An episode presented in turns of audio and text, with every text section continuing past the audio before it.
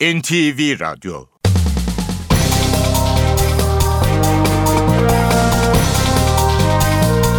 İşe Giderken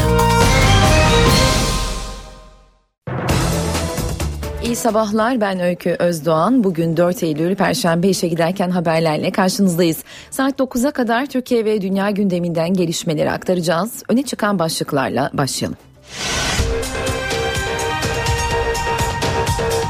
Çözüm sürecinde yeni yol haritası çiziliyor. İlgili 6 bakan ve MİT müsteşarı dün başbakanın başkanlığında ilk toplantı yaptı, atılacak adımları belirledi.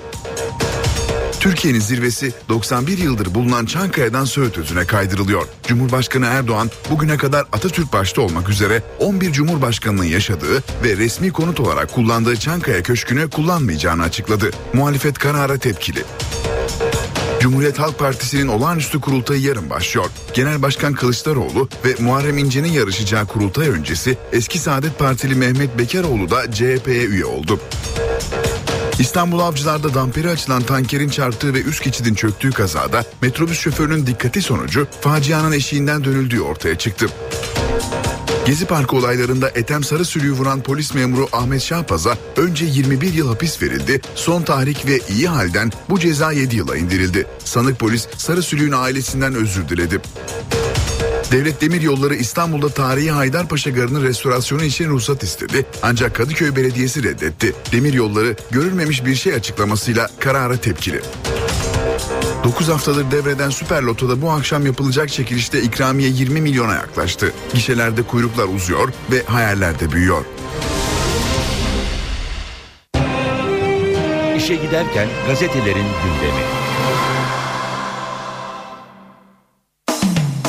Gazetelerin birinci sayfalarından haberler aktaracağımız basın turuyla devam ediyoruz. Hürriyetle başlayalım. Koyun şu kuralı diyor manşetteki haberin başlığı. Avcılarda iki yıl önce damperi açılan bir kamyonun çarptığı üst geçit dün yaşanan benzer bir kazada bu kez çöktü. Bu tür kazaları önlemek için TSE'nin bir damper standardı var ama ona uyma zorunluluğu yok deniyor. Sürmanşette ise 21 milyon heyecanı başlığı göze çarpıyor. 6 rakamı bilen çıkmayınca 9. kez devreden Süper Loto 21 milyon liraya koşuyor. Bugün çekilecek olan Süper Loto'da 6 bilindiği takdirde kazanılacak rakam 21 milyon lira denmiş. Alt başlığında iki devlet tek millet babanın bize mirasıdır deniyor bir başka başlıkta hürriyette. Cumhurbaşkanı Erdoğan Azerbaycan Cumhurbaşkanı İlham Aliyev'e Haydar Aliyev'i kastederek iki devlet tek millet sözü babanın bize mirası dedi.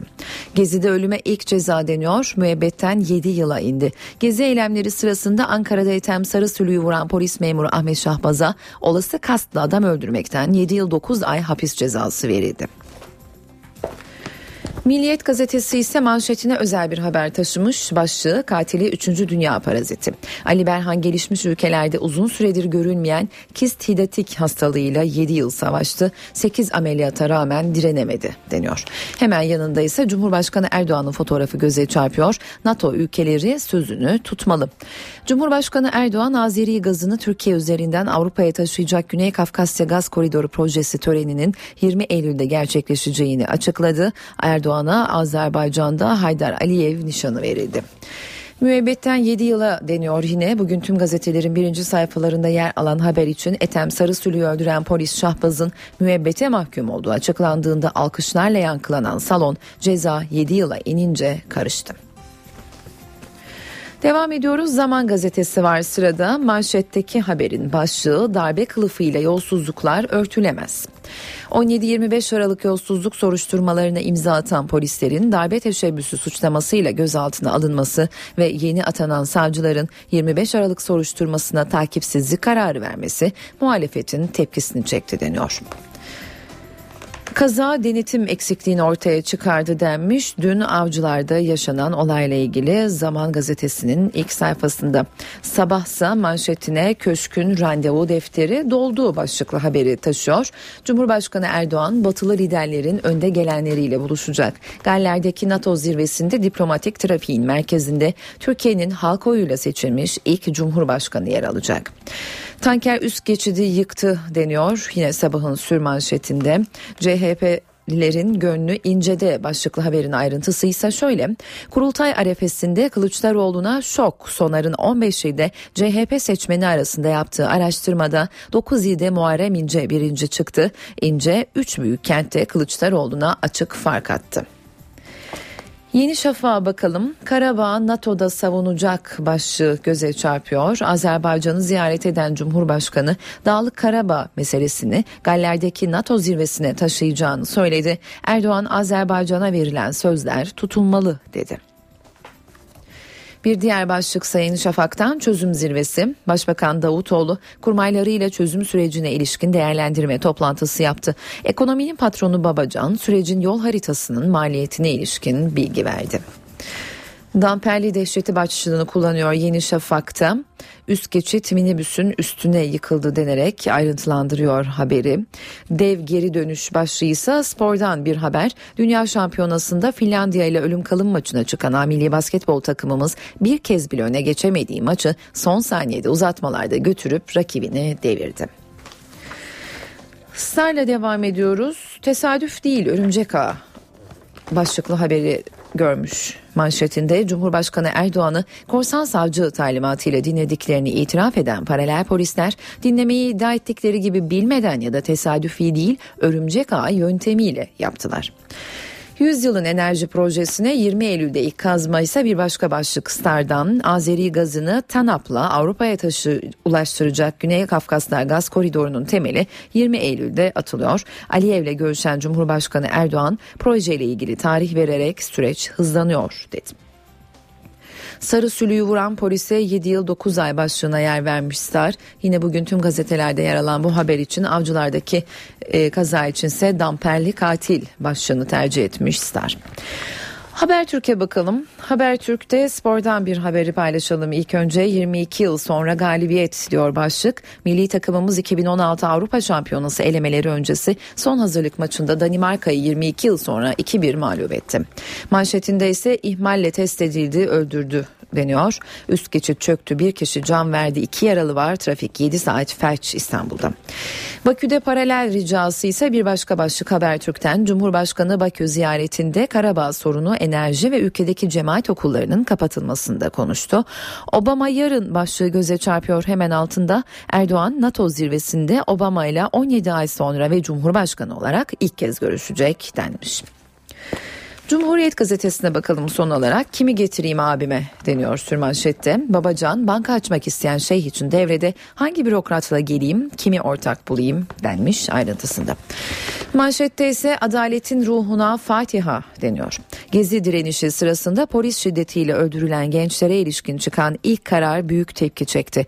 Ankara'da Ethem Sarısülü'yü vurarak öldüren polis memuru Ahmet Şahbaz haksız tahrik altında olası kasıtlı adam öldürmek suçundan 7 yıl 9 ay hapis cezasına çarptırıldı denmiş. NTV Radyo Saatler 7.12'yi gösteriyor. Ben Öykü Özdoğan gelişmeleri aktarmayı sürdürüyoruz. Türkiye Cumhuriyeti'nin 91 yıllık zirvesi değişiyor. Cumhurbaşkanlığı Çankaya Köşkü'nden Söğüt Özü'ne geçiyor. Cumhurbaşkanı Recep Tayyip Erdoğan bugüne kadar Atatürk başta olmak üzere 11 Cumhurbaşkanının yaşadığı ve resmi konut olarak kullandığı Çankaya Köşkü'nü kullanmayacağını açıkladı. Haber siyasetin gündemine oturdu. Yeni yapılan e, binalara Cumhurbaşkanlığı olarak taşınmayı planlıyoruz. Ve şu andaki Cumhurbaşkanlığı binasına da aynı zamanda tabii ki konutlarına da Başbakanımızın aynı şekilde taşınmasını aramızda planlamış durumdayız. 91 yıllık gelenek değişiyor. Cumhurbaşkanı Recep Tayyip Erdoğan şimdiye kadar Atatürk dahil 11 Cumhurbaşkanının ikamet ettiği Çankaya Köşkü'nü kullanmayacağını açıkladı. Erdoğan'ın yeni çalışma adresi inşaatı devam eden Atatürk Orman Çiftliği'ndeki yeni başbakanlık binası olacak. Aslında başbakanlık binası olarak planlanmıştı. Yapımına, inşaatına da o niyetle başlanmıştı. Ancak Cumhurbaşkanı Recep Tayyip Erdoğan'ın açıklamaları gösterdi ki Atatürk Orman Çiftliği arazisindeki bu yeni bina Cumhurbaşkanlığı olarak kullanılacak. Hazırlıklarda son aşamaya gelindi. Yeni binanın avlusunda ileride yapılacak askeri karşılama törenleri için koşuşturma da devam ediyor. Yapımına 2012'de başlanan yerleşke yaklaşık 700 milyon liraya mal oldu. 150 dönüm araziye Selçuklu mimarisinden esinlenilerek inşa edilen binada son teknoloji kullanıldı. Toplam 1000 odalı 3 bloktan oluşan binada Bloklardan biri makama özel dizayn edildi. Bazı bölümlere giriş çıkışlar parmak izi ve retina okuma sistemiyle sağlanacak. Binanın altında acil hallerde kullanılacak bir de Hükümet Harekat Merkezi bulunuyor. Çankaya Köşkü ise Başbakan Ahmet Davutoğlu tarafından kullanılacak. Bugüne kadar pek çok kritik toplantıya zirveye ev sahipliği yaptı Çankaya Köşkü. Dile kolay tam 11 Cumhurbaşkanı köşkü kullandı. Adı Cumhurbaşkanlığı ile anılan Çankaya Köşkü'nde bundan sonra Başbakan Ahmet Davutoğlu oturacak. Simgesel önemdeki Cumhurbaşkanlığı muhafız alayının yeni başbakanlık binasına taşınıp taşınmayacağı ise belirsizliğini koruyor. Cumhurbaşkanının Çankaya Köşkü yerine yeni yapılacak başbakanlık binasını kullanma kararına muhalefetten tepki var. AK Parti sözcüsü Beşir Atalay, tarihi Çankaya Köşkü'nün değerinin kaybolmayacağını, Erdoğan'ın adaylığı döneminde yeni teamüller oluşacağını söylediğini belirtti. Mekanlar paylaşılır, mekanların değeri kaybolmaz. Çankaya daima bir değere sahiptir. Onlar yine tabii değerini korur. Siyasi anlamda Çankaya Köşkü Cumhuriyet'in sembolü. Oturursa şaşardım. Cumhurbaşkanı Recep Tayyip Erdoğan'ın Çankaya Köşkü'nü değil, yeni yapılan başbakanlık binasını kullanacağı açıklaması yeni bir tartışma konusu haline geldi. Muhalefet partileri Çankaya Köşkü'nün sembolik bir anlamı olduğuna işaret ederek karara tepki gösterdi. Cumhuriyetin tanımıyla özdeşleşmiş bir Çankaya Köşkü'nde ikamet etmeme isteğinin başka nedenlere anlamlara dayandırılmak istendiğini hepimiz görüyoruz. 61 senedir eski Türkiye'de yaşıyormuş. Birden yeni Türkiye üretti. Efendim biz eskiyi sildik, yeni yol tuttuk. Eskinin bütün figürlerini ikinci plana atalım, başka taraflara tartışalım, başka taraflara taşınalım söylemleri bir kompleks söylemlerdir. Eleştirilere yanıt AK Parti sözcüsü Beşir Atalay'dan geldi. Atalay, Cumhurbaşkanı'nın yeni teamüller olacak açıklamasını hatırlattı. Yeni çalışma mekanı olarak e, Sayın Cumhurbaşkanımız yeni yapılan binayı tercih etmiş oldu. Yeni açıklamasıyla. E, zaten kendisinin de biliyorsunuz ifadesi var. E, yeni dönem yeni teamüller oluşturacağım, yeniler olacak diye. Dolayısıyla yenilerden birisi olarak bakabiliriz. Hükümet çözüm sürecinde yeni yol haritasını belirlemek için ilk toplantısını dün yaptı. Davutoğlu başkanlığında 6 bakan ve MİT müsteşarının katıldığı toplantıda atılacak adımlar değerlendirildi. Önce Genelkurmay Başkanı ile iki buçuk saat görüştü. Ardından 6 bakanı ile toplantı yaptı. Başbakan Ahmet Davutoğlu'nun gündeminde çözüm süreci vardı. Davutoğlu Genelkurmay Başkanı ile ilk kez başbakan olarak görüştü. Beklenenden uzun süren görüşme Genelkurmay Başkanı'nın hükümet bizimle çözüm sürecinin yol haritasını paylaşmadı açıklamasının ardından gerçekleşti. Başbakan Davutoğlu daha sonra çözüm süreci toplantısına geçti. Toplantıya Başbakan yardımcıları Bülent Arınç, Yalçın Akdoğan, Numan Kurtulmuş ve Ali Babacan katıldı. Adalet Bakanı Bekir Bozdağ, İçişleri Bakanı Efkan Ala'nın yanı sıra AK Parti Grup Başkan Vekili Mahir Ünal ve MİT Müsteşarı Hakan Fidan da toplantıdaydı. Başbakan Yardımcısı Bülent Arınç, ilk Bakanlar Kurulu toplantısı sonrasında sürecin baş sorumlusunun başbakan olduğunu açıklamıştı. Bir sekreterya kurularak süreci kendisinin Akdoğan'ın Adalet ve İçişleri Bakanlarının yürüteceğini ifade etmişti. Toplantıda çözüm sürecinde bundan sonraki yeni model ve atılacak adımlar masadaydı. Yol haritasını zaten e, yine üzerinde çalıştık. O çalışılıyor, tamamlanmadı. O bitecek, kurumlarımızda paylaşılacak. Yeni dönemde sürecin koordinatörü olarak Başbakan Yardımcısı Bülent Arınç, AK Parti yönetimiyle de her hafta bir araya gelecek. Cumhurbaşkanı Recep Tayyip Erdoğan ikinci yurtdışı ziyaretini yaptığı Azerbaycan'da bir millet iki devlet vurgusu yaptı. Azerbaycan Cumhurbaşkanı Aliyev ise 1915 olaylarına değindi. Cumhurbaşkanı Recep Tayyip Erdoğan, Kuzey Kıbrıs Türk Cumhuriyeti'nin ardından ikinci yurtdışı ziyaretini Azerbaycan'a yaptı. Erdoğan'ın Azerbaycan Cumhurbaşkanı İlham Aliyev'le görüşmesinde öne çıkan konular Dağlık Karabağ ve enerji projeleri oldu. Cumhurbaşkanı Erdoğan Ermenistan'ın Azerbaycan'la ilişkileri düzelirse bizimle de düzelir mesajı verdi. Kardeşliğimizin zirve yaptığı en önemli konu dış politikada malum Dağlık Karabağ konusudur. Ve bu konuyu yine her zaman olduğu gibi gündemimizin en önemli maddesi olarak ele aldık, değerlendirdik. Bir diğer önemli konu üzerinde hassasiyetle durduğumuz enerji konusudur. Enerji ile ilgili olarak tabii TANAP Azerbaycan'ın özellikle enerjideki gücünü ortaya koyması bakımından çok önemli. ve bir barış hattı olması bakımından çok çok önemli bir e, yatırım. Galler'de düzenlenecek NATO zirvesinde Azerbaycan'a verilen sözlerin yerine getirilmesini isteyeceğini kaydeden Erdoğan, iki ülkenin yakınlığını tanımlayan bir millet iki devlet sözünü de hatırlattı. Ve biz şunu biliyoruz. iki ayrı devlet, tek millet. Bu tabi babanın da bugüne bir mirasıdır. Bunun da aynı şekilde yürümesi lazım. Azerbaycan Cumhurbaşkanı İlham Aliyev ise 1915 olaylarına değindi. Yalan üzerinde tarih kurmak istəyir. Türkiyə qarşı əsassız ithamlar irəli sürür. Bunların heç bir tarixi əsası yoxdur. Bu yalandır, böhtandır, iftiradır. Cumhurbaşkanı Erdoğan'a Bakü'deki Cumhurbaşkanlığı Sarayı'nda düzenlenen törenle onur nişanı verildi. Recep Tayyip Erdoğan Bakü ziyaretini Azerbaycan eski Cumhurbaşkanı Haydar Aliyev'in kabrini ve Türk şehitliğini ziyaret ederek noktaladı.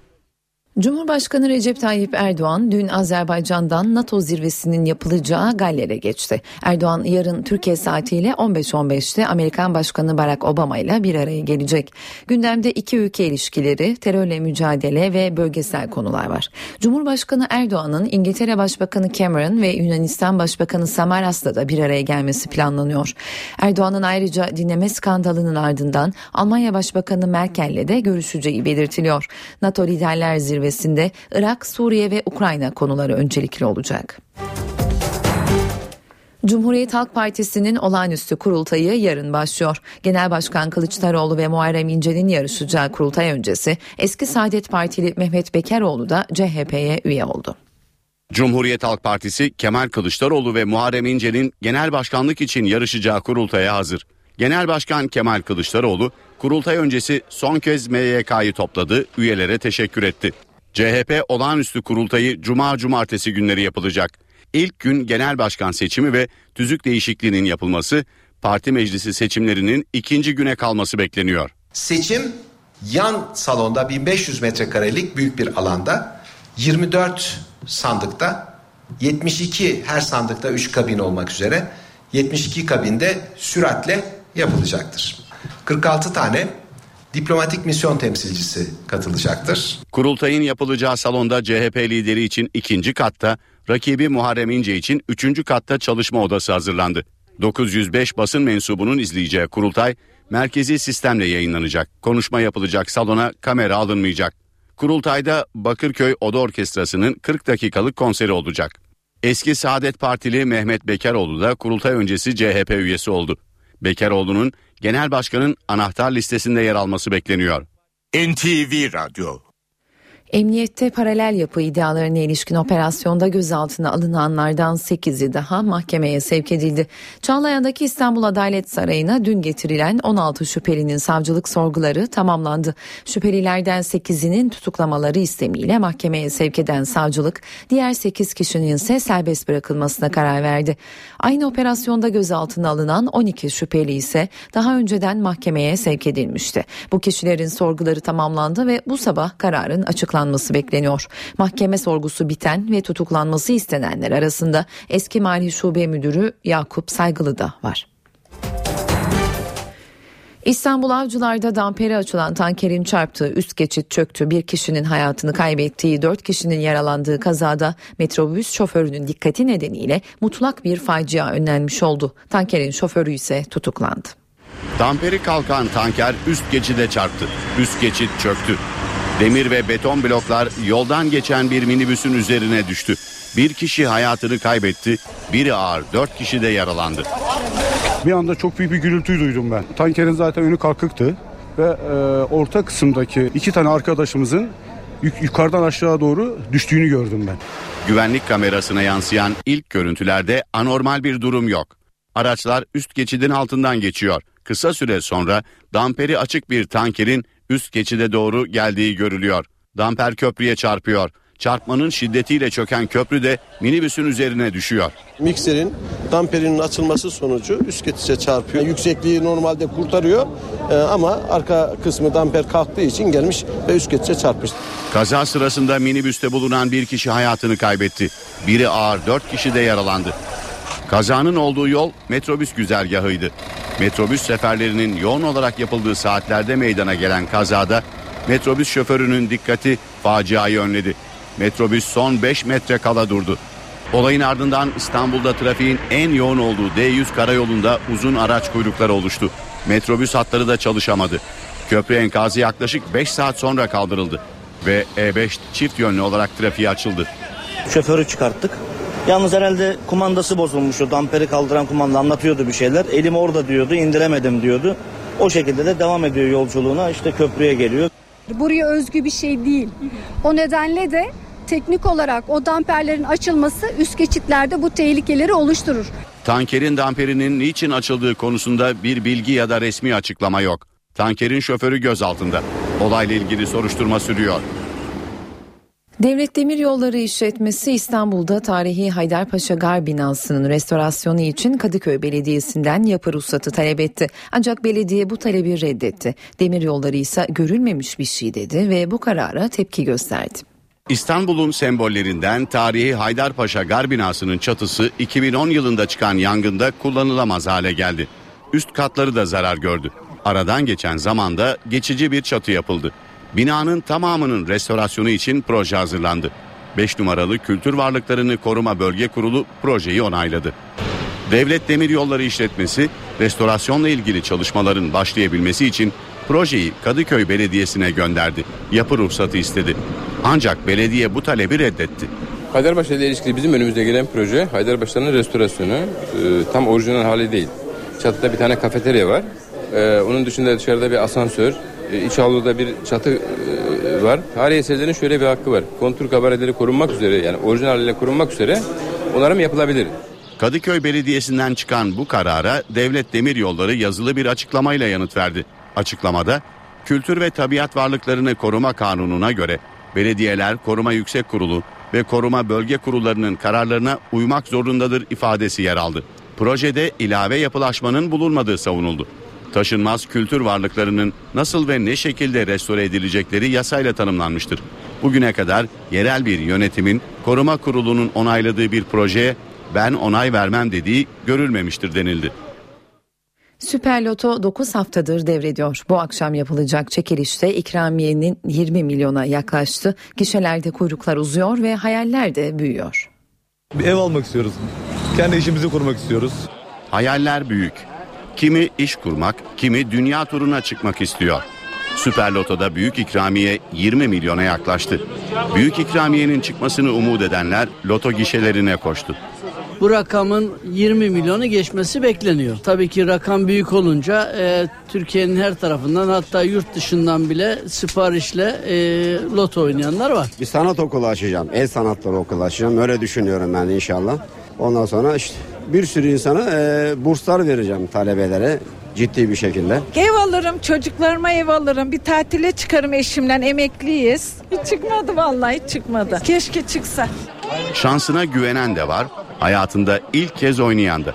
Ancak herkesin tek dileği büyük ikramiyenin kendisine çıkması. Klasik olacak ama herkes yardım ederim diyor. Ben gerçekten ederim. Yüzde ellisini yarısını ayırırım kesin. Çekilişte bir kez daha altı bilen olmazsa Süper Loto 10. kez devretmiş olacak.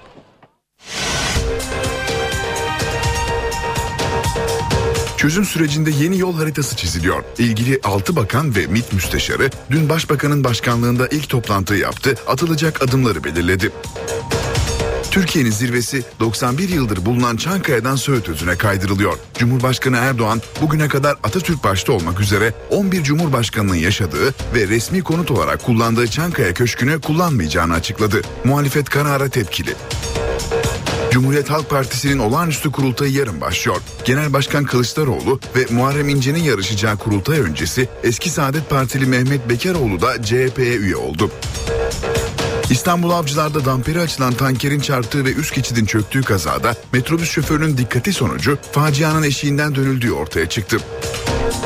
Gezi Parkı olaylarında Etem Sarısülü'yü vuran polis memuru Ahmet Şahpaz'a önce 21 yıl hapis verildi, son tahrik ve iyi halden bu ceza 7 yıla indirildi. Sanık polis Sarısülü'nün ailesinden özür diledi. Devlet Demir Yolları İstanbul'da tarihi Haydarpaşa Garı'nın restorasyonu için ruhsat istedi. Ancak Kadıköy Belediyesi reddetti. Demir Yolları görülmemiş bir şey açıklamasıyla karara tepkili. 9 haftadır devreden Süper Loto'da bu akşam yapılacak çekilişte ikramiye 20 milyona yaklaştı. Gişelerde kuyruklar uzuyor ve hayaller de büyüyor. Gezi Parkı olaylarında Ethem Sarısülü'yü vuran polis memuru Ahmet Şahbaz önce 21 yıl hapis aldı ancak daha sonra tahrik ve iyi halden bu ceza 7 yıla indirildi. Sanık polis Sarısülü'nün ailesinden özür diledi. Gezi Parkı olaylarında polis kurşunuyla hayatını kaybeden Ethem Sarısülü'nün ölümüne ilişkin davada karar çıktı. Polis memuru Ahmet Şahbaz 7 yıl 9 ay 10 gün hapis cezasına çarptırıldı.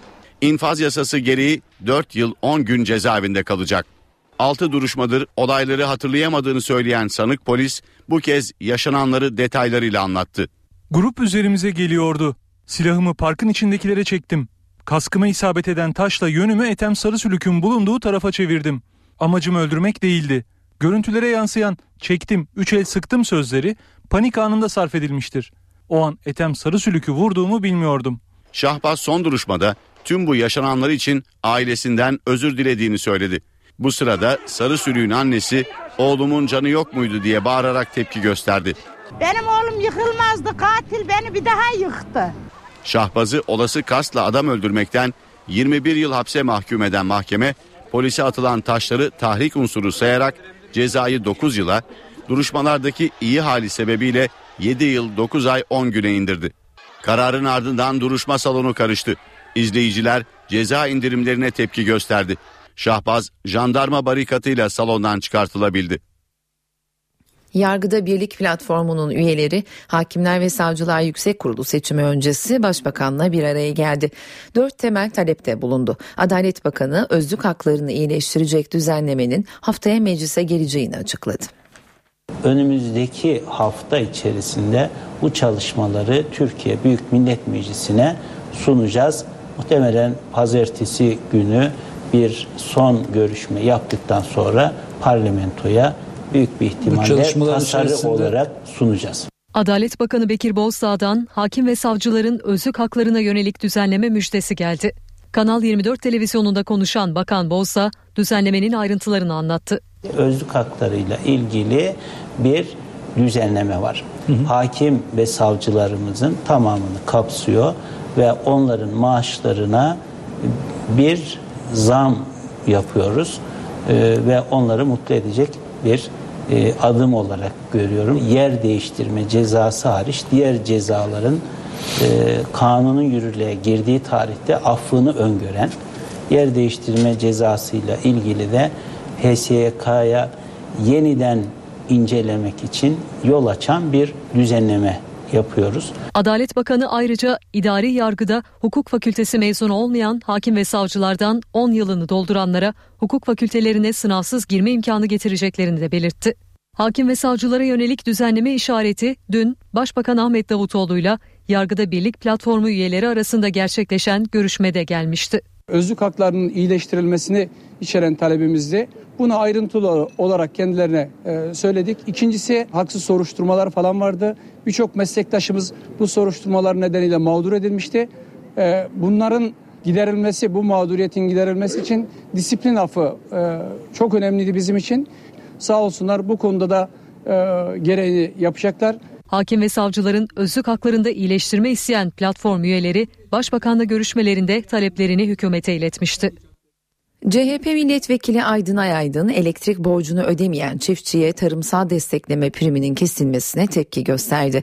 Ayaydın bu adımın çiftçiyi eyleme yönlendireceğini söylüyor. Bu uygulamaya geçerse 15 Eylül'den sonra korkarım ki yine Mardin başta olmak üzere Urfa, Diyarbakır ve o bölgenin tamamında çiftçiler büyük bir eyleme gireceklerdir. Biz Cumhuriyet Halk Partisi olarak böyle bir olayın yaşanmasını istemiyoruz. Hükümeti uyarıyoruz. Şirketlerin alacaklarını tahsil etmek gibi bir göreviniz yoktur. Siz özel şirketlerin alacağı için bu kadar seferber neden oluyorsunuz? Kocaeli'ye bağlı 13 mahallede hayvan ölümlerine neden olan mavi dil hastalığına karşı önlemler artırılıyor. 5 ilçede karantina başlatıldı. Hayvancılıkla uğraşanlar tedirgin. Kocaeli'de 300 hayvanı telef eden mavi dil hastalığına karşı önlem alındı. 5 ilçede karantina başlatıldı. Hastalık 13 mahallede son bir ay içinde görülen hayvan ölümleriyle ortaya çıktı. Mavi dil hastalığı teşhisi konulunca Gebze, Kandıra, Kartepe, Derince ve İzmit'te hayvan giriş çıkışı yasaklandı. Tarım Bakanlığı hastalığın yayılmaması için Marmara bölgesinde 980 bin hayvanın aşılandığını ve sivrisinekle mücadele edildiğini açıkladı. Bakanlık açıklamasına göre mavi dil hastalığı ilk olarak Yunanistan ve Bulgaristan'da ortaya çıktı. Ardından da Türkiye ile birlikte İtalya ve Romanya'ya yayıldı. Hastalığın kaynağı tatarcık adı verilen bir sinek. Aşağı yukarı son 13-14 senedir Türkiye'de görülmeyen bir hastalık. Bulgaristan'dan Türkiye'ye giriş yapmış olduğu tahmin edilmektedir. Yani muhtemelen e, kaçak hayvanlardan falan bulaştı. Hayvanların ağız ve burnunda ödemle başlayan hastalığın tedavisi yok. E, şu anda 130 tane hayvanım var. E, bu hastalık tamamına yayıldı. Hayvan sahipleri yaklaşan kurban bayramı öncesi hastalık nedeniyle zararda. Bu şekilde malını zaten satamazsın yani. Çıkaramazsın. Mal üzerinde eti kaybediyor sürekli zayıflayıp ölüyor. Yerli otomobilde hedef 2020'den önce yollarda olmak hem de elektrikli bir modelle. Bilim, Sanayi ve Teknoloji Bakanı Fikri Işık haberi NTV yayınında verdi. Türkiye bu içten yanmalı motor teknolojisinde bana göre treni kaçırdı. Burada üretim maliyetleri e, bizim dünya ile rekabet etmemiz açısından son derece dezavantajlı bir durumdayız. Türkiye yerli marka otomobil üretiminde rotayı hibrit ve elektrikli araçlara çevirdi. Bilim, Sanayi ve Teknoloji Bakanı Fikri Işık, dünyadaki yönelimin de elektrikli otomobile doğru olduğunu belirterek bizim de mevcut teknolojide ısrar etmemizde anlam yok dedi. Elektrikli otomobilde Türkiye'nin önünde çok güzel bir fırsat var. İyi bir fırsat penceremiz var. Hükümetin yerli otomobil konusundaki yeni programına göre araştırma geliştirme çalışmalarının lideri TÜBİTAK olacak. Üretimi ise özel sektör yapacak. Üretimi de o aradığımız baba yiğitler e, noktasında da şu anda çok ciddi biz bu işte varız diyen Türkiye'nin özel e, sektörü var. Üretimi de onlarla birlikte yapıp Türkiye'ye bir yerli otomobil markası kazandırmak istiyoruz ve bunun hibrit ve elektrikli araç olması noktasında da yol haritamızı belirledik. Yerli marka otomobil üretimi için çalışmalar hızlandırılacak. İnşallah hedefimiz 2020'den önce Türkiye'de yerli elektrikli veya hibrit otomobili e, yollarımıza çıkarmak olacak. Türkiye 12 dev adamın galibiyetini konuşuyor. Sırada spor haberleri var. Ardından da işten güçten haberleri vereceğiz. Spor bülteni için sözü Ayhan Aktaş'a bırakıyoruz. Spor haberleri başlıyor.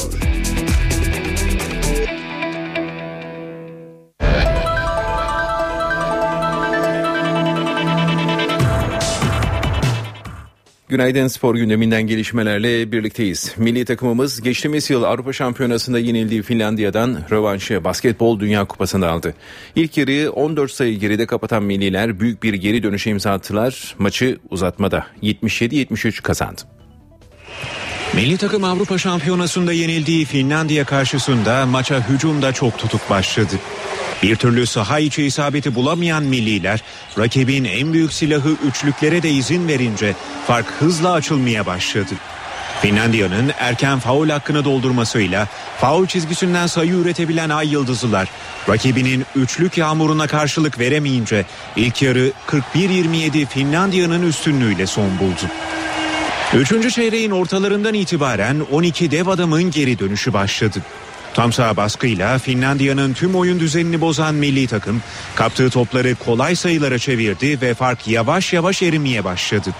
Rakibimizi tam yakaladık derken Salin'in üçlüğüyle 3. çeyrek 59-53 Finlandiya'nın üstünlüğüyle son buldu. Finlandiya, Ay Yıldızlıların baskılı savunması karşısında dördüncü çeyrekte de bocalamaya devam etti. Milliler hücumda tamamen tıkanan rakibi karşısında birkaç kez eline geçirdiği öne geçme fırsatını değerlendiremedi. Ancak 12 dev adam henüz son sözünü söylememişti. Milli takım o kadar çok çabaladı, skoru lehine döndürmek için öyle büyük bir efor sarf etti ki son saniyelerde basketbol tanrıları bu çabanın karşılığını verdi. Finlandiya'nın en önemli oyuncusu Kopone'nin iki serbest atışı kaçırmasının ardından milliler bitime 4.2 saniye kala Cenk Akyol'un üçlüğüyle beraberliği yakaladı.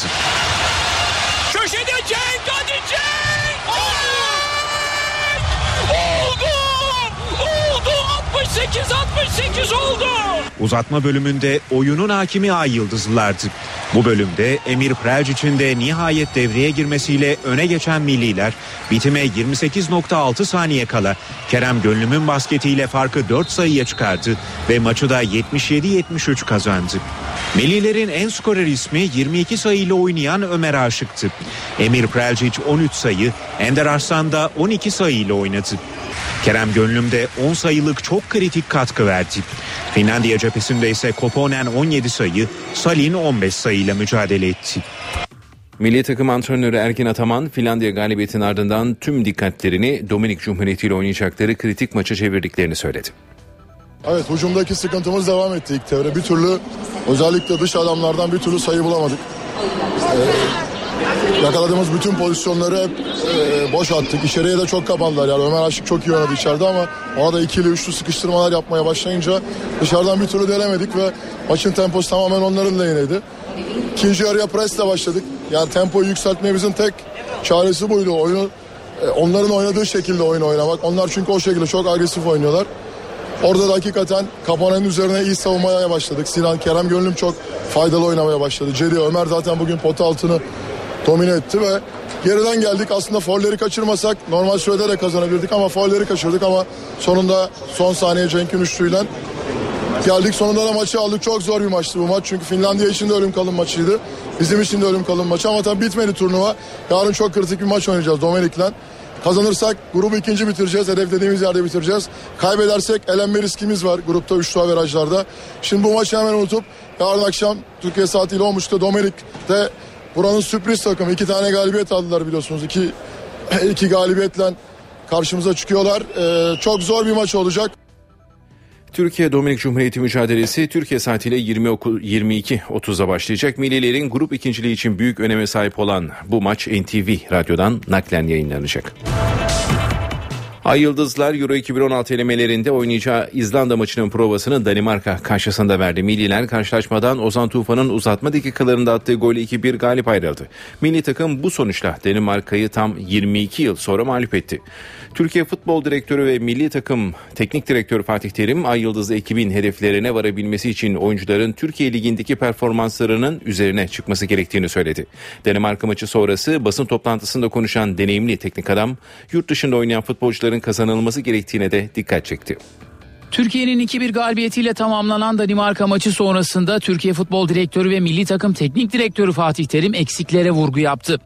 Deneyimli teknik adam basın toplantısında üzerinde durulması gereken konular olduğunu ifade etti. Kendi sahamızda kaldığımız zaman oynamayı öğrenebilmeliyiz. Oyun hep rakip sahaya yığarak pres halinde baskı halinde geçmez.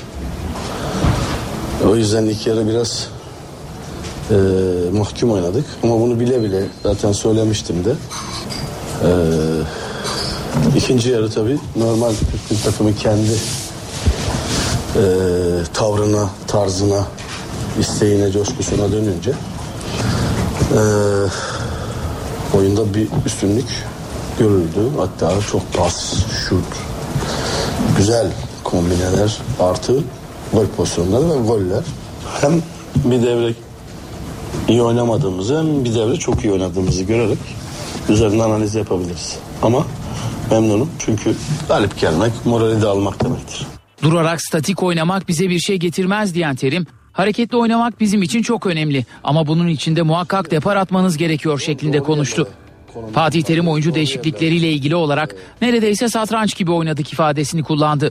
Milli takımın oynadığı futbol seviyesinin Türkiye Ligi'nin çok üzerine çıkması gerektiğini belirten Terim şunları söyledi. Şunu bilmemiz lazım. Bu seviyede maçlar böyle geçecek. En küçük hatanın hiçbir telafisi olmayan yüksek seviyeler bunlar. Yani e, onun için ben söylerken beyanat verirken Türkiye Ligi'nin çok üstüne çıkmamız gerekiyor diyorum. Hep her milli maçta. O tempo, o düşünce bizi yanıltır. Burada daha fazlasına ihtiyacımız var.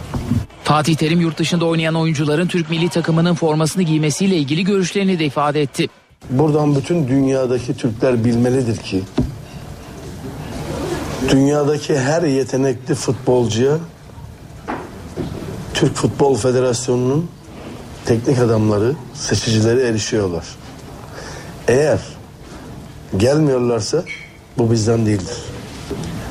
Kamuoyuna yansıyan yüzde yirmi beşidir. Yüzde yetmiş beşi bizdedir. Gelmiyorlarsa kabahat bizim değildir. Kim geliyorsa Türk milli takımının forması hazırdır. Giymesinden büyük mutluluk duyarız.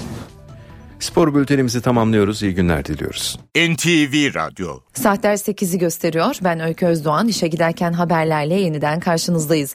Cumhurbaşkanının Çankaya Köşkü'nde değil Söğüt Özü'nde yaşayacağını açıklaması, CHP'de yarın başlayacak olağanüstü kurultay kulisleri, İstanbul Avcılar'da damperi açık tankerin çarpmasıyla üst geçidin çökmesi ve bu akşam 20 milyon liraya çıkması beklenen süper loto çekilişi.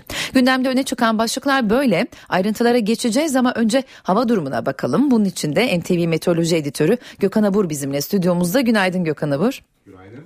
Ee, yağmur etkisini göstermeye başladı. Bugün nasıl bir hava bekliyor bizi? E, hava biraz serinledi aslında. Bakarsanız yer Marmara'da, Ege'de e, ve Batı Karadeniz bölgesinde sıcaklıklarda biraz azalış var. Şu anda İstanbul her ne kadar 23 derece ama bugün beklediğimiz en yüksek sıcaklık 28 derece olacak. Hava şu anda parçalı bulutlu. İlerleyen saatlerde yine bu şeklini koruyacak. Yağışlar şimdilik etkisini kaybetti diyeceğim. Yalnızca İstanbul'un doğu kesimlerinde İstanbul Kocaeli arasında bir ara çok hafif yağış geçişi görülebilir. Karadeniz'den gelecek bulutlara bağlı olarak. E, Trakya'da kuvvetli yağışlar vardı. Özellikle bu yağışlar dün akşam saatlerinde gök gürültülü sağanaklar şeklinde yer yer yine e, su baskını demeyeceğim ama kuvvetli rüzgarla beraber ağaçların sökülmesine yardımcı oldu kuvvetli rüzgar. Ee, gün içinde yine Marmara'nın güney kesimlerinde Bursa Balıkesir arasında hafif yağış olasılığı var. Sıcaklıklar azaldı demiştim. Ege'de de sıcaklıklarda birkaç derecelik düşüş var. Şu anda İzmir 21 derece ama bugün İzmir'de beklediğimiz en yüksek sıcaklık 29 derece civarında olacak. Yağışlar Ege'de şimdilik etkisini kaybetti. Akdeniz boyunca yüksek nem bunaltmaya devam edecek. Sıcaklıklar birkaç derece azalmış olsa bile ki Antalya'da bugün 30 dereceye çıkmasını bekliyoruz ama hissedilen sıcaklık 35 derecenin üzerinde olacak. İç Anadolu bölgesinde yağış beklemiyoruz. İç Anadolu bölgesinde sıcaklıklar mevsim ortalamalarının 2-3 derece üzerinde. Doğu ve Güneydoğu'da ise sıcaklıklar oldukça yüksek ve mevsim ortalamalarının 4-5 derece üzerinde olacak. Doğu Karadeniz bölgemizde ise kısa süreli yağış geçişi bekliyoruz. Tekrar birkaç gündür olduğu gibi ilerleyen saatlerde artacak bulutlanmayla Rize Artvin arasında yine kısa süreli olsa yağış görülebilecek. Evet yağışlar şimdilik batıda ara verdi diyorum. Yarından itibaren rüzgar yeniden kuvvetlenecek ve Poyraz'ın kuvvetlenmesiyle özellikle hafta sonu Marmara, Batı Karadeniz ve Kuzey Ege'de sıcaklıklar biraz daha azalacak. Tabii bu azalışa bağlı olarak İstanbul'da da e, cumartesi sabah saatlerinde hafif yağış geçişi görülebilir ki bu yağış daha sonra Avrupa yakasından Anadolu yakasına doğru geçebilir. Evet sonbahar kendisini hissettirmeye devam ediyor diyebilirim. Yağışıyla, rüzgarıyla ve havanın serinlemesiyle. Teşekkür ediyoruz. NTV Meteoroloji Editörü Gökhan Abur bizimleydi. NTV Radyo Cumhurbaşkanı Recep Tayyip Erdoğan bugüne kadar Atatürk başta olmak üzere 11 Cumhurbaşkanının yaşadığı ve resmi konut olarak kullandığı Çankaya Köşkü'nü kullanmayacağını açıkladı. Cumhurbaşkanlığı Çankaya'dan Söğüt Özü'ne Atatürk Orman Çiftliği arazisinde yapımı devam eden binaya taşınacak. Erdoğan Çankaya Köşkü'nü ise Başbakan Ahmet Davutoğlu'na bırakacağını söyledi. Yeni yapılan e, binalara Cumhurbaşkanlığı olarak taşınmayı planlıyoruz. Ve şu andaki Cumhurbaşkanlığı binasına da aynı zamanda tabii ki konutlarına da Başbakanımızın aynı şekilde taşınmasını aramızda planlamış durumdayız. 91 yıllık gelenek değişiyor. Cumhurbaşkanı Recep Tayyip Erdoğan şimdiye kadar Atatürk dahil 11 Cumhurbaşkanının ikamet ettiği Çankaya Köşkü'nü kullanmayacağını açıkladı. Erdoğan'ın yeni çalışma adresi inşaatı devam eden Atatürk Orman Çiftliği'ndeki yeni başbakanlık binası olacak. Aslında başbakanlık binası olarak planlanmıştı. Yapımına, inşaatına da o niyetle başlanmıştı. Ancak Cumhurbaşkanı Recep Tayyip Erdoğan'ın açıklamaları gösterdi ki Atatürk Orman Çiftliği arazisindeki bu yeni bina Cumhurbaşkanlığı olarak kullanılacak. Hazırlıklarda son aşamaya gelindi. Yeni binanın avlusunda ileride yapılacak askeri karşılama törenleri için koşuşturma da devam ediyor. Yapımına 2012'de başlanan yerleşke yaklaşık 700 milyon liraya mal oldu. 150 dönüm araziye Selçuklu mimarisinden esinlenilerek inşa edilen binada son teknoloji kullanıldı.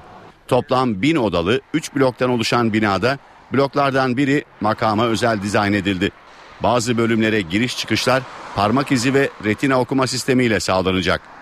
Binanın altında acil hallerde kullanılacak bir de Hükümet Harekat Merkezi bulunuyor.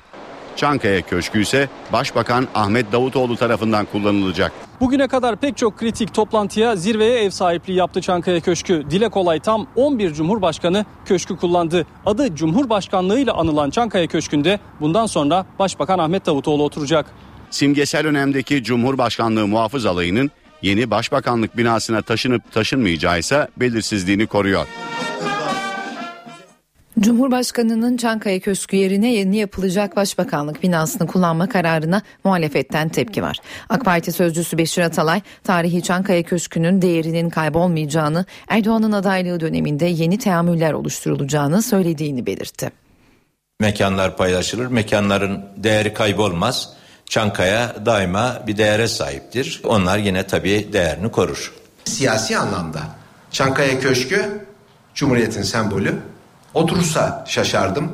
Cumhurbaşkanı Recep Tayyip Erdoğan'ın Çankaya Köşkü'nü değil, yeni yapılan başbakanlık binasını kullanacağı açıklaması yeni bir tartışma konusu haline geldi.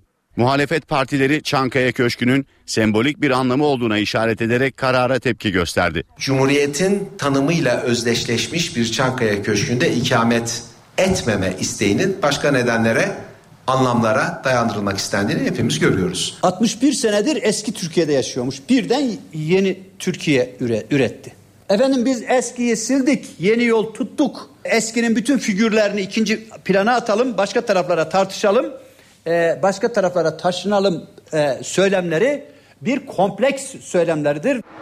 Eleştirilere yanıt AK Parti sözcüsü Beşir Atalay'dan geldi.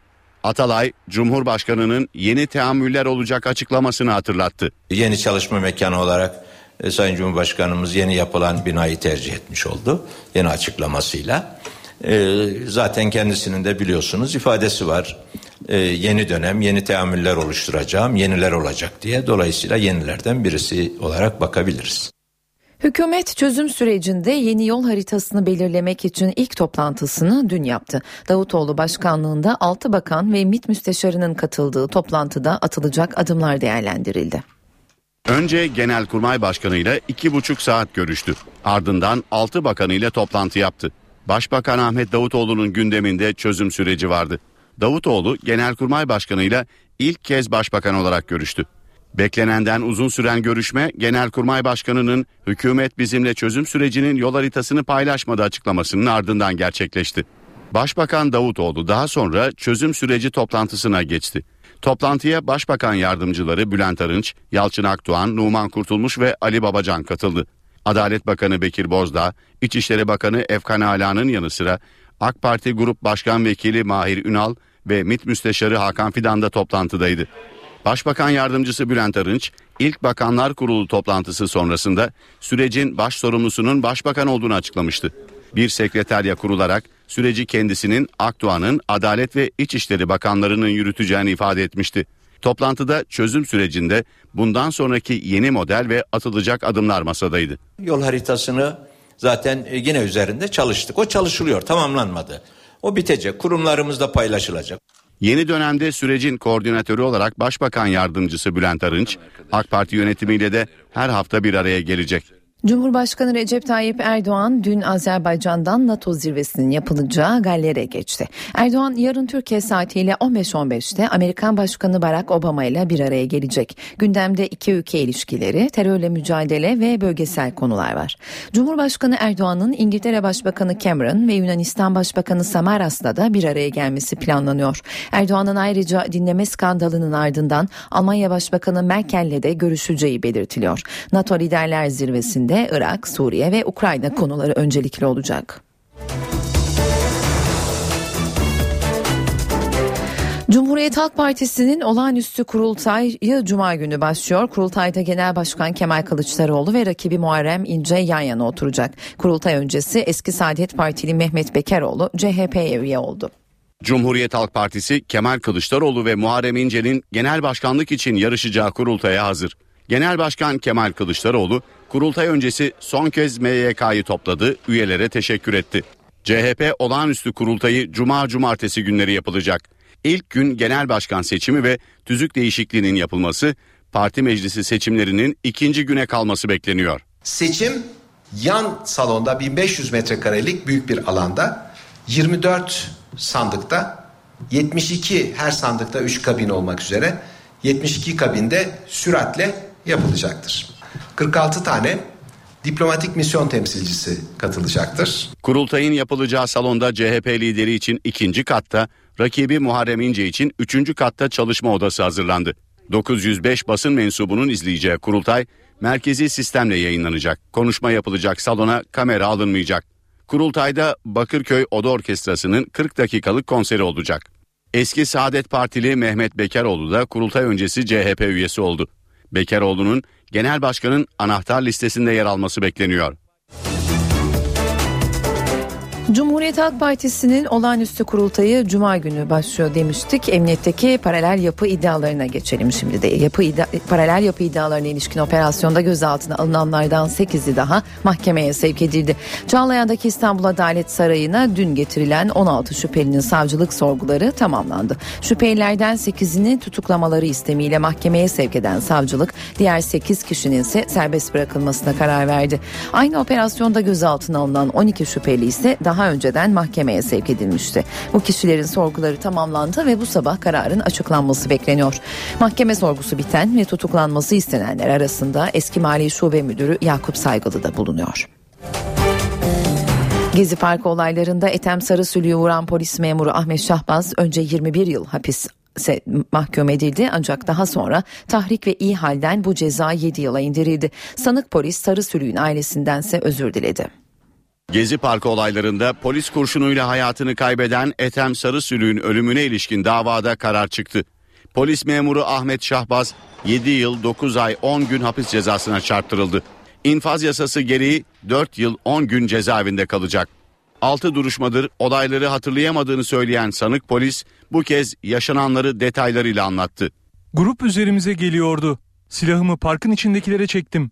Kaskıma isabet eden taşla yönümü Ethem Sarısülük'ün bulunduğu tarafa çevirdim. Amacım öldürmek değildi. Görüntülere yansıyan çektim, üç el sıktım sözleri panik anında sarf edilmiştir. O an Ethem Sarısülük'ü vurduğumu bilmiyordum. Şahbaz son duruşmada tüm bu yaşananlar için ailesinden özür dilediğini söyledi. Bu sırada Sarısülük'ün annesi oğlumun canı yok muydu diye bağırarak tepki gösterdi. Benim oğlum yıkılmazdı katil beni bir daha yıktı. Şahbaz'ı olası kasla adam öldürmekten 21 yıl hapse mahkum eden mahkeme polise atılan taşları tahrik unsuru sayarak cezayı 9 yıla, duruşmalardaki iyi hali sebebiyle 7 yıl 9 ay 10 güne indirdi. Kararın ardından duruşma salonu karıştı. İzleyiciler ceza indirimlerine tepki gösterdi. Şahbaz jandarma barikatıyla salondan çıkartılabildi. Birleşmiş Milletler'in 2014 insani gelişme raporuna göre dünyada 842 milyon insan açlık sınırında yaşıyor. Kalkınma Bakanı Cevdet Yılmaz raporu değerlendirirken Türkiye'nin gelişimine dikkat çekti. Dünya genelinde 842 milyon insan açlık sıkıntısı çekiyor. 1,5 milyar insan çatışma bölgelerinde yaşıyor. 45 milyon insansa yerinden edilmiş durumda.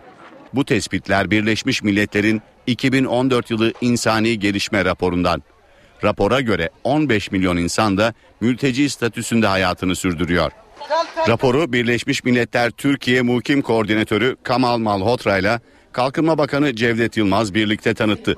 İki isim de Türkiye'nin insani kalkınma alanında sağladığı ilerlemeye dikkat çekti. Türkiye gelişmekte olan ülkeler arasında insani gelişme açısından örnek performans sergileyen ülkelerden bir tanesi. 2005'te 174 ülke arasında 85. sıradaydı. 2013'te 187 ülke arasında 69. sıraya yükseldi. Sıralamamız yüksek insani gelişmeye tekabül ediyor. Rapora göre dünyada 1,5 milyar insan da ya kayıt dışı çalışıyor ya da düzenli bir işe sahip değil. 1,5 milyar insan dünyada günlük 1 dolar 25 sentin altında bir harcamayla hayatını devam ettirmek zorunda. Çok şükür bizde bu sıfırlandı. Devlet Demir Yolları İşletmesi İstanbul'da tarihi Haydarpaşa Gar binasının restorasyonu için Kadıköy Belediyesi'nden yapı ruhsatı talep etti. Ancak belediye bu talebi reddetti. Demir Yolları ise görülmemiş bir şey dedi ve bu karara tepki gösterdi. İstanbul'un sembollerinden tarihi Haydarpaşa Gar binasının çatısı 2010 yılında çıkan yangında kullanılamaz hale geldi. Üst katları da zarar gördü. Aradan geçen zamanda geçici bir çatı yapıldı. Binanın tamamının restorasyonu için proje hazırlandı. 5 numaralı Kültür Varlıklarını Koruma Bölge Kurulu projeyi onayladı. Devlet Demiryolları İşletmesi restorasyonla ilgili çalışmaların başlayabilmesi için projeyi Kadıköy Belediyesi'ne gönderdi. Yapı ruhsatı istedi. Ancak belediye bu talebi reddetti. Haydarpaşa ile ilişkili bizim önümüzde gelen proje Haydarpaşa'nın restorasyonu e, tam orijinal hali değil. Çatıda bir tane kafeterya var. E, onun dışında dışarıda bir asansör, iç avluda bir çatı e, var. Tarihi eserlerin şöyle bir hakkı var. Kontur kabareleri korunmak üzere yani orijinal haliyle korunmak üzere onarım yapılabilir. Kadıköy Belediyesi'nden çıkan bu karara Devlet Demiryolları yazılı bir açıklamayla yanıt verdi. Açıklamada Kültür ve Tabiat Varlıklarını Koruma Kanunu'na göre belediyeler Koruma Yüksek Kurulu ve Koruma Bölge Kurullarının kararlarına uymak zorundadır ifadesi yer aldı. Projede ilave yapılaşmanın bulunmadığı savunuldu. Taşınmaz kültür varlıklarının nasıl ve ne şekilde restore edilecekleri yasayla tanımlanmıştır. Bugüne kadar yerel bir yönetimin koruma kurulunun onayladığı bir projeye ben onay vermem dediği görülmemiştir denildi. Benzin yerine deniz suyuyla çalışan otomobil üretildi. Üstelik bu araç 3 saniyede 90 kilometre hıza kadar ulaşabiliyor. Geleceğin spor arabası. Benzinle değil tuzlu suyla çalışıyor. Bilim kurgu filmlerindeki otomobilleri aratmayan bu araç Almanya'da geliştirildi. Quante Sport Limousin adlı araç 920 beygir gücüne sahip ve bu gücünü elektrik üreten motorlarından alıyor. Son teknoloji araçta 200 litrelik depolar yer alıyor. Araca yakıt olarak konan tuzlu su bu depolarda elektrik enerjisine çevriliyor. Çevre dostu araç güneş enerjisiyle çalışanların aksine oldukça hızlı. Yaklaşık 3 saniye içerisinde saatte 90 km hıza ulaşabiliyor. Avrupa Birliği'nden izin alan üreticiler aracı önce Almanya yollarında test edecek. Seri üretime önümüzdeki yıllarda geçilecek. Çevre dostu aracın maliyeti ise el yakıyor. Tuzlu suyla çalışan aracın fiyatı 1,7 milyon doları aşıyor. Türkiye sosyal medya platformları ve dijital alanları kapsamında yeni bir imaj kampanyası başlatıyor. Açıklamayı Kültür ve Turizm Bakanı Ömer Çelik yaptı. Hedefimiz dijital ve sosyal medya platformlarını en başarılı şekilde kullanan ülke olarak bilinmek, uzun vadede ise yeni trendleri takip ederek tanıtım stratejimize temel oluşturacak yeni verileri üretmektir. Türkiye'nin imajını güçlendirmekte yeni hedef dijital ve sosyal medya. Kültür ve Turizm Bakanı Ömer Çelik artık bu alanların daha etkin kullanılacağını, bunun için kampanya başlattıklarını açıkladı. Bakan Çelik 32. Siyah Beyaz Biyaneli sergisinin açılışına katıldı. Çelik fotoğraf sanatının önemini güncel olaylara atıfta bulunarak vurguladı. Bugünlerde insanlığın yaşadığı büyük dramlarda sözün bittiği yerde, analizin bittiği yerde, örneğin Gazze'de, örneğin Halep'te, örneğin Myanmar'da ne olup bittiğini bir fotoğrafçının tek bir karesi bütün insanlığa öğretmektedir. Bakan Çelik çocukluğunda fotoğrafçılık yaptığını da anlattı. Size bir sır vereceğim. Ben çocukluğum boyunca yazları kendi haçlığımı çıkarmak için bir işte çalıştım. Ve 4-5 yaz boyunca çocukluğumda çalıştığım yer bir fotoğrafçıydı. Karanlık odada fotoğraf yaptım. Sonra çeşmede suyun altında fotoğraf yıkadım. O zaman şimdiki gibi teknoloji yoktu. Kurutmak için asılıyordu iplere.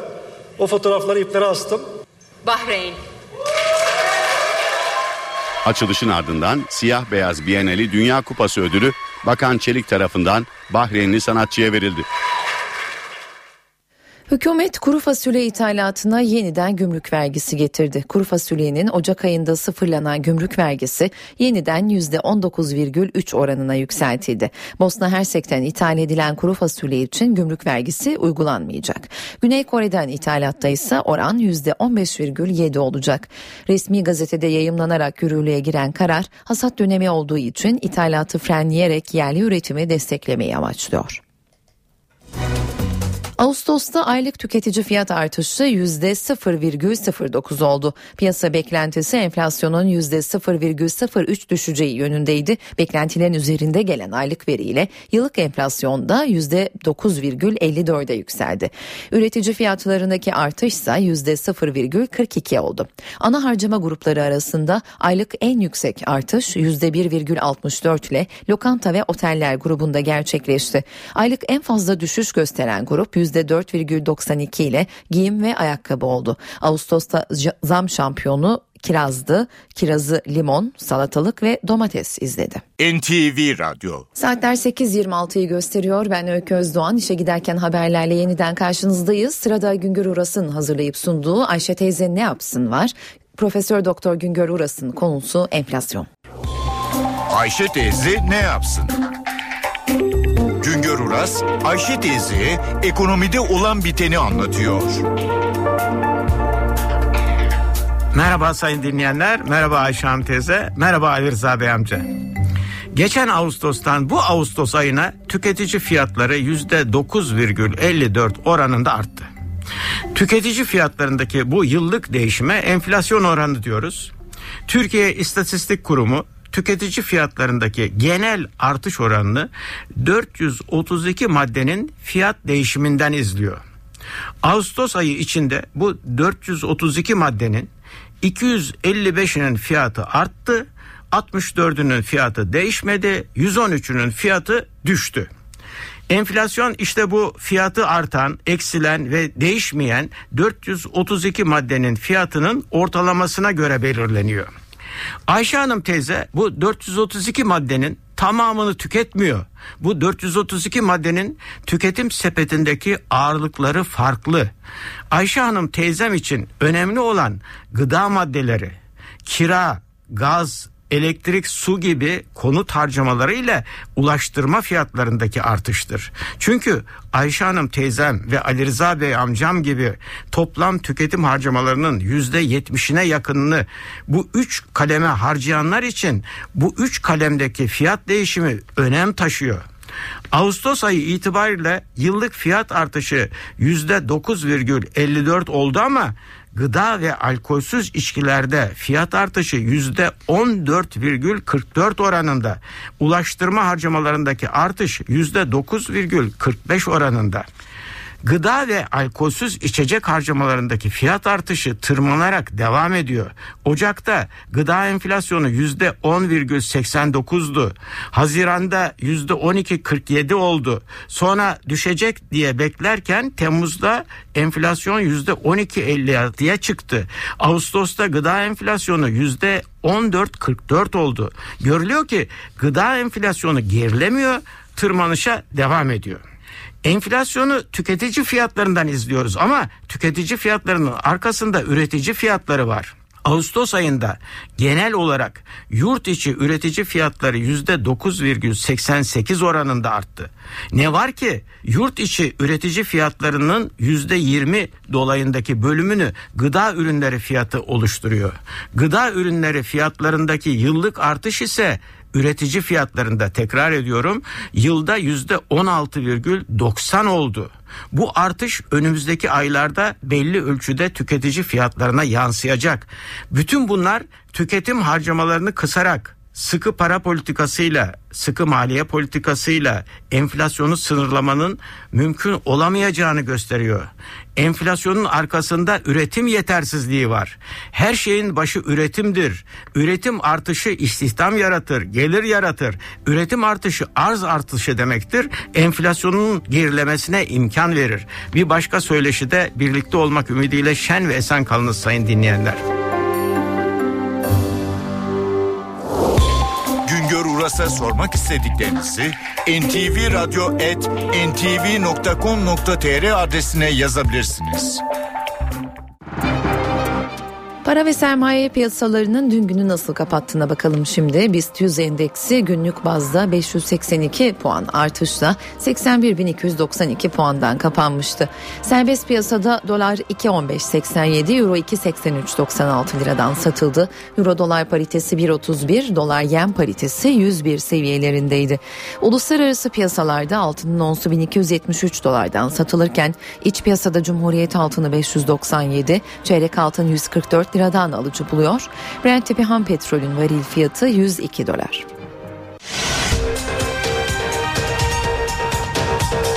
Çözüm sürecinde yeni yol haritası çiziliyor. İlgili 6 bakan ve MİT müsteşarı dün Başbakanın başkanlığında ilk toplantı yaptı, atılacak adımları belirledi. Türkiye'nin zirvesi 91 yıldır bulunan Çankaya'dan Söğüt Özü'ne kaydırılıyor. Cumhurbaşkanı Erdoğan bugüne kadar Atatürk başta olmak üzere 11 Cumhurbaşkanı'nın yaşadığı ve resmi konut olarak kullandığı Çankaya Köşkü'nü kullanmayacağını açıkladı. Muhalefet karara tepkili. Cumhuriyet Halk Partisi'nin olağanüstü kurultayı yarın başlıyor. Genel Başkan Kılıçdaroğlu ve Muharrem İnce'nin yarışacağı kurultay öncesi eski Saadet Partili Mehmet Bekaroğlu da CHP'ye üye oldu. İstanbul Avcılar'da damperi açılan tankerin çarptığı ve üst geçidin çöktüğü kazada metrobüs şoförünün dikkati sonucu facianın eşiğinden dönüldüğü ortaya çıktı. Gezi Parkı olaylarında Ethem Sarı Sülüğü vuran polis memuru Ahmet Şahpaz'a önce 21 yıl hapis verildi, son tahrik ve iyi halden bu ceza 7 yıla indirildi. Sanık polis Sarı Sülüğün ailesinden özür diledi. Devlet Demir Yolları İstanbul'da tarihi Haydarpaşa Garı'nın restorasyonu için ruhsat istedi. Ancak Kadıköy Belediyesi reddetti. Demir Yolları görülmemiş bir şey açıklamasıyla karara tepkili. 9 haftadır devreden Süper Loto'da bu akşam yapılacak çekilişte ikramiye 20 milyona yaklaştı. Gişelerde kuyruklar uzuyor ve hayaller de büyüyor. Meclis olağanüstü gündemle toplanıyor. Hükümet programı üzerinde görüşmeler yapılacak. Başbakan Ahmet Davutoğlu'nun Ankara ve İstanbul'da programları olacak. CHP'de ise kurultay için son gün hazırlıklar neredeyse tamamlanmış durumda. Ankara'da bugünün programını alacağız şimdi. NTV muhabiri Miray Aktağ Uluç telefon hattımızda. Miray seni dinliyoruz. Meclis Genel Kurulu olağanüstü bir toplantı için açılıyor. Bugün Başbakan Ahmet Davutoğlu'nun 1 Eylül pazartesi günü hükümet programını sunmasının ardından ondan tam iki gün sonra iş tüzük ve anayasa gereği Meclis Genel Kurulu bir kez daha açılacak ve hükümet programı üzerindeki görüşmeler yapılacak. Genel Kurul'daki bu olağanüstü oturumun başlama saati saat 14. Önce gruplar adına 40'ar dakikalık konuşmalar yapılacak. Sonra iki milletvekili şahsı adına konuşma yaptıktan sonra o onar dakikalık konuşmaların ardından hükümet adına Başbakan Yardımcısı Bülent Arınç kürsüye çıkacak ve kendisine yönelik hükümete yönelik eleştirilere yanıt verecek. AK Parti grubu adına kürsüye çıkacak olan isim Mustafa Elitaş ve Naci Bostancı. Cumhuriyet Halk Partisi grubu adına Hurşit Güneş, Milliyetçi Hareket Partisi grubu adına Yusuf Halaçoğlu, Halkların Demokrasi Partisi adına Pervin Buldan ve Ertuğrul Kürkçü kürsüye çıkacak olan isimler arasında.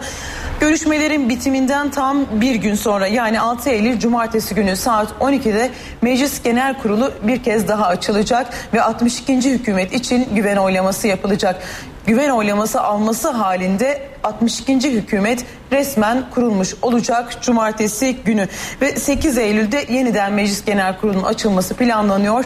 Meclis Başkanı Cemil Çiçek bu yöndeki çağrıyı dün yaptı. Türkiye Büyük Millet Meclisi'nde Torba Kanun ve Ceza Muhakemesi Kanunu'nda değişiklik öngören iki düzenlemenin ele alınması için Genel kurul bir kez daha açılmış olacak ve sonrasında 1 Ekim tarihine kadar tatile girecek Türkiye Büyük Millet Meclisi.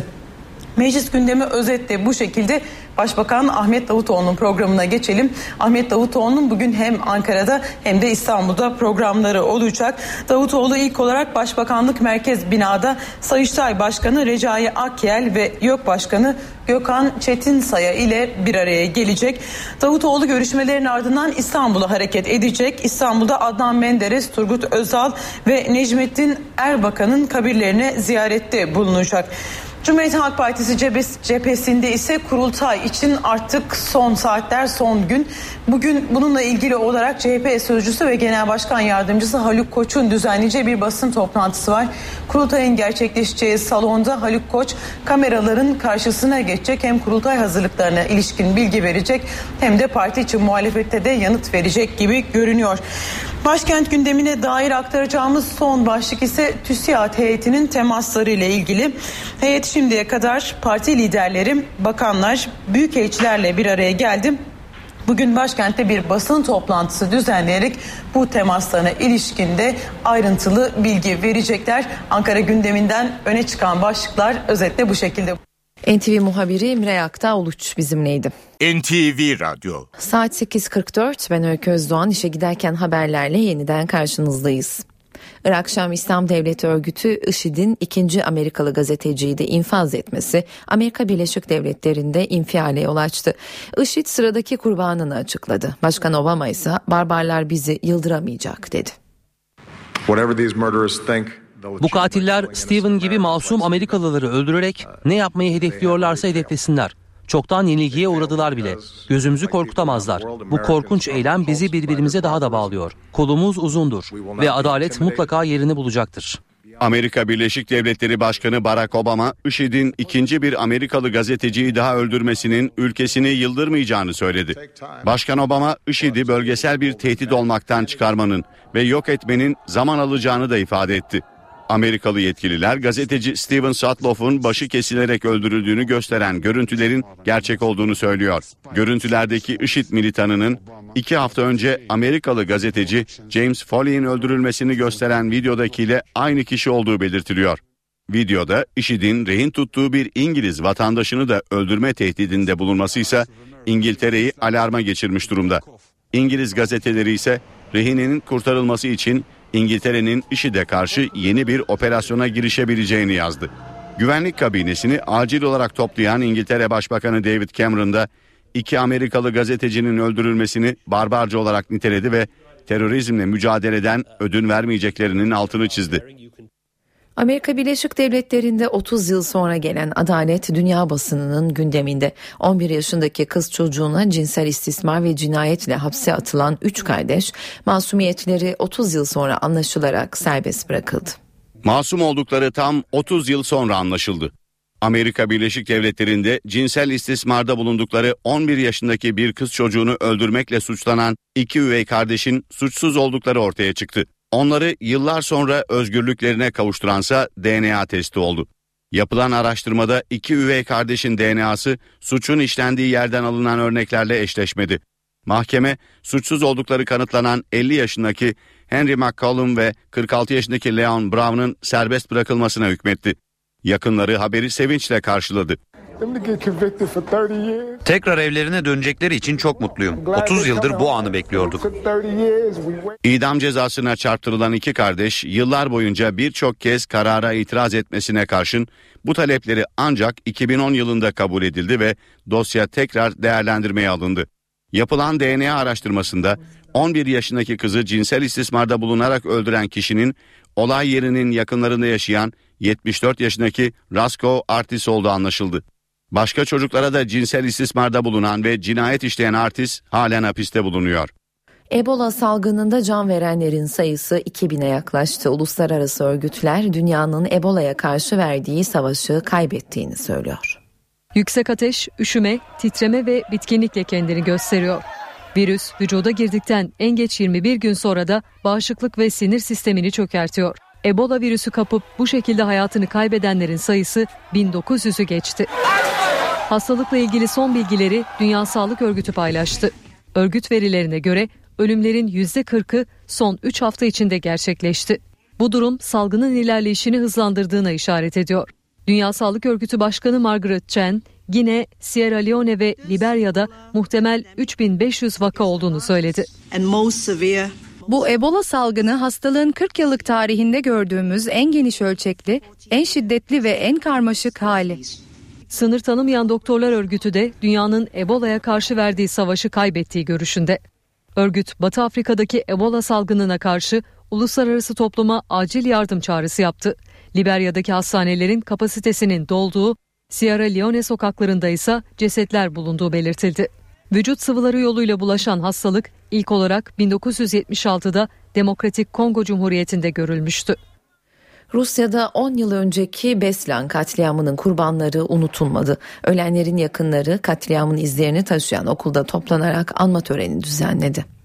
Rusya'nın Kuzey Ossetya özel bölgesindeki Beslan'da 3 gün süren rehine krizin üzerinden tam 10 yıl geçti.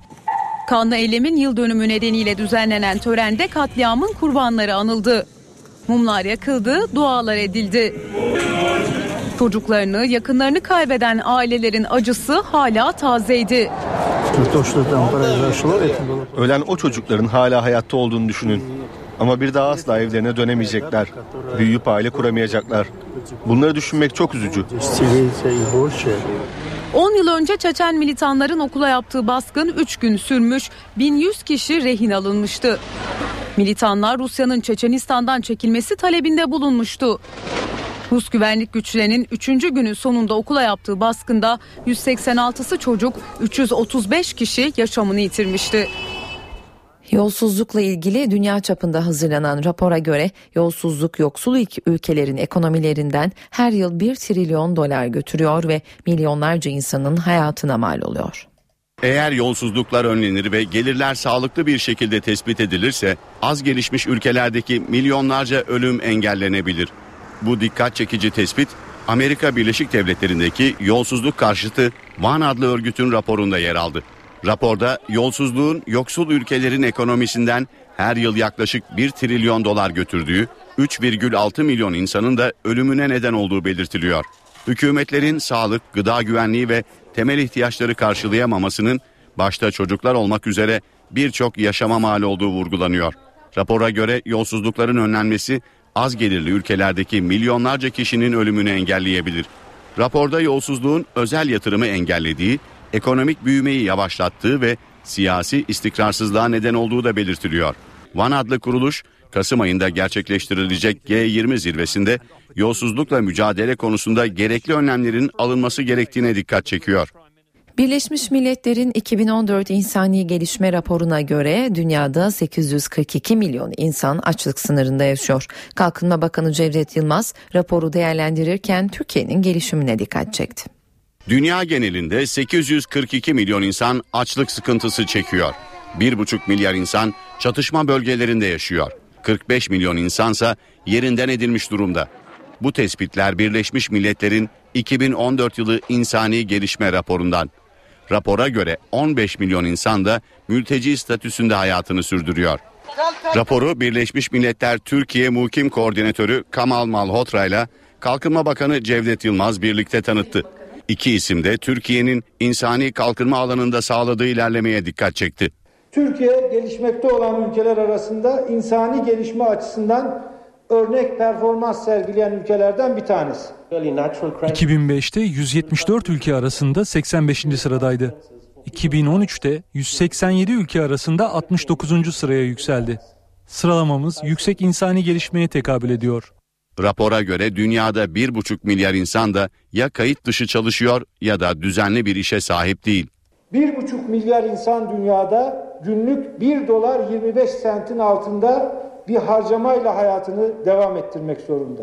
Çok şükür bizde bu sıfırlandı. İşe giderken haberleri bitiriyoruz. Saat başında yeniden karşınızda olacağız. NTV Radyo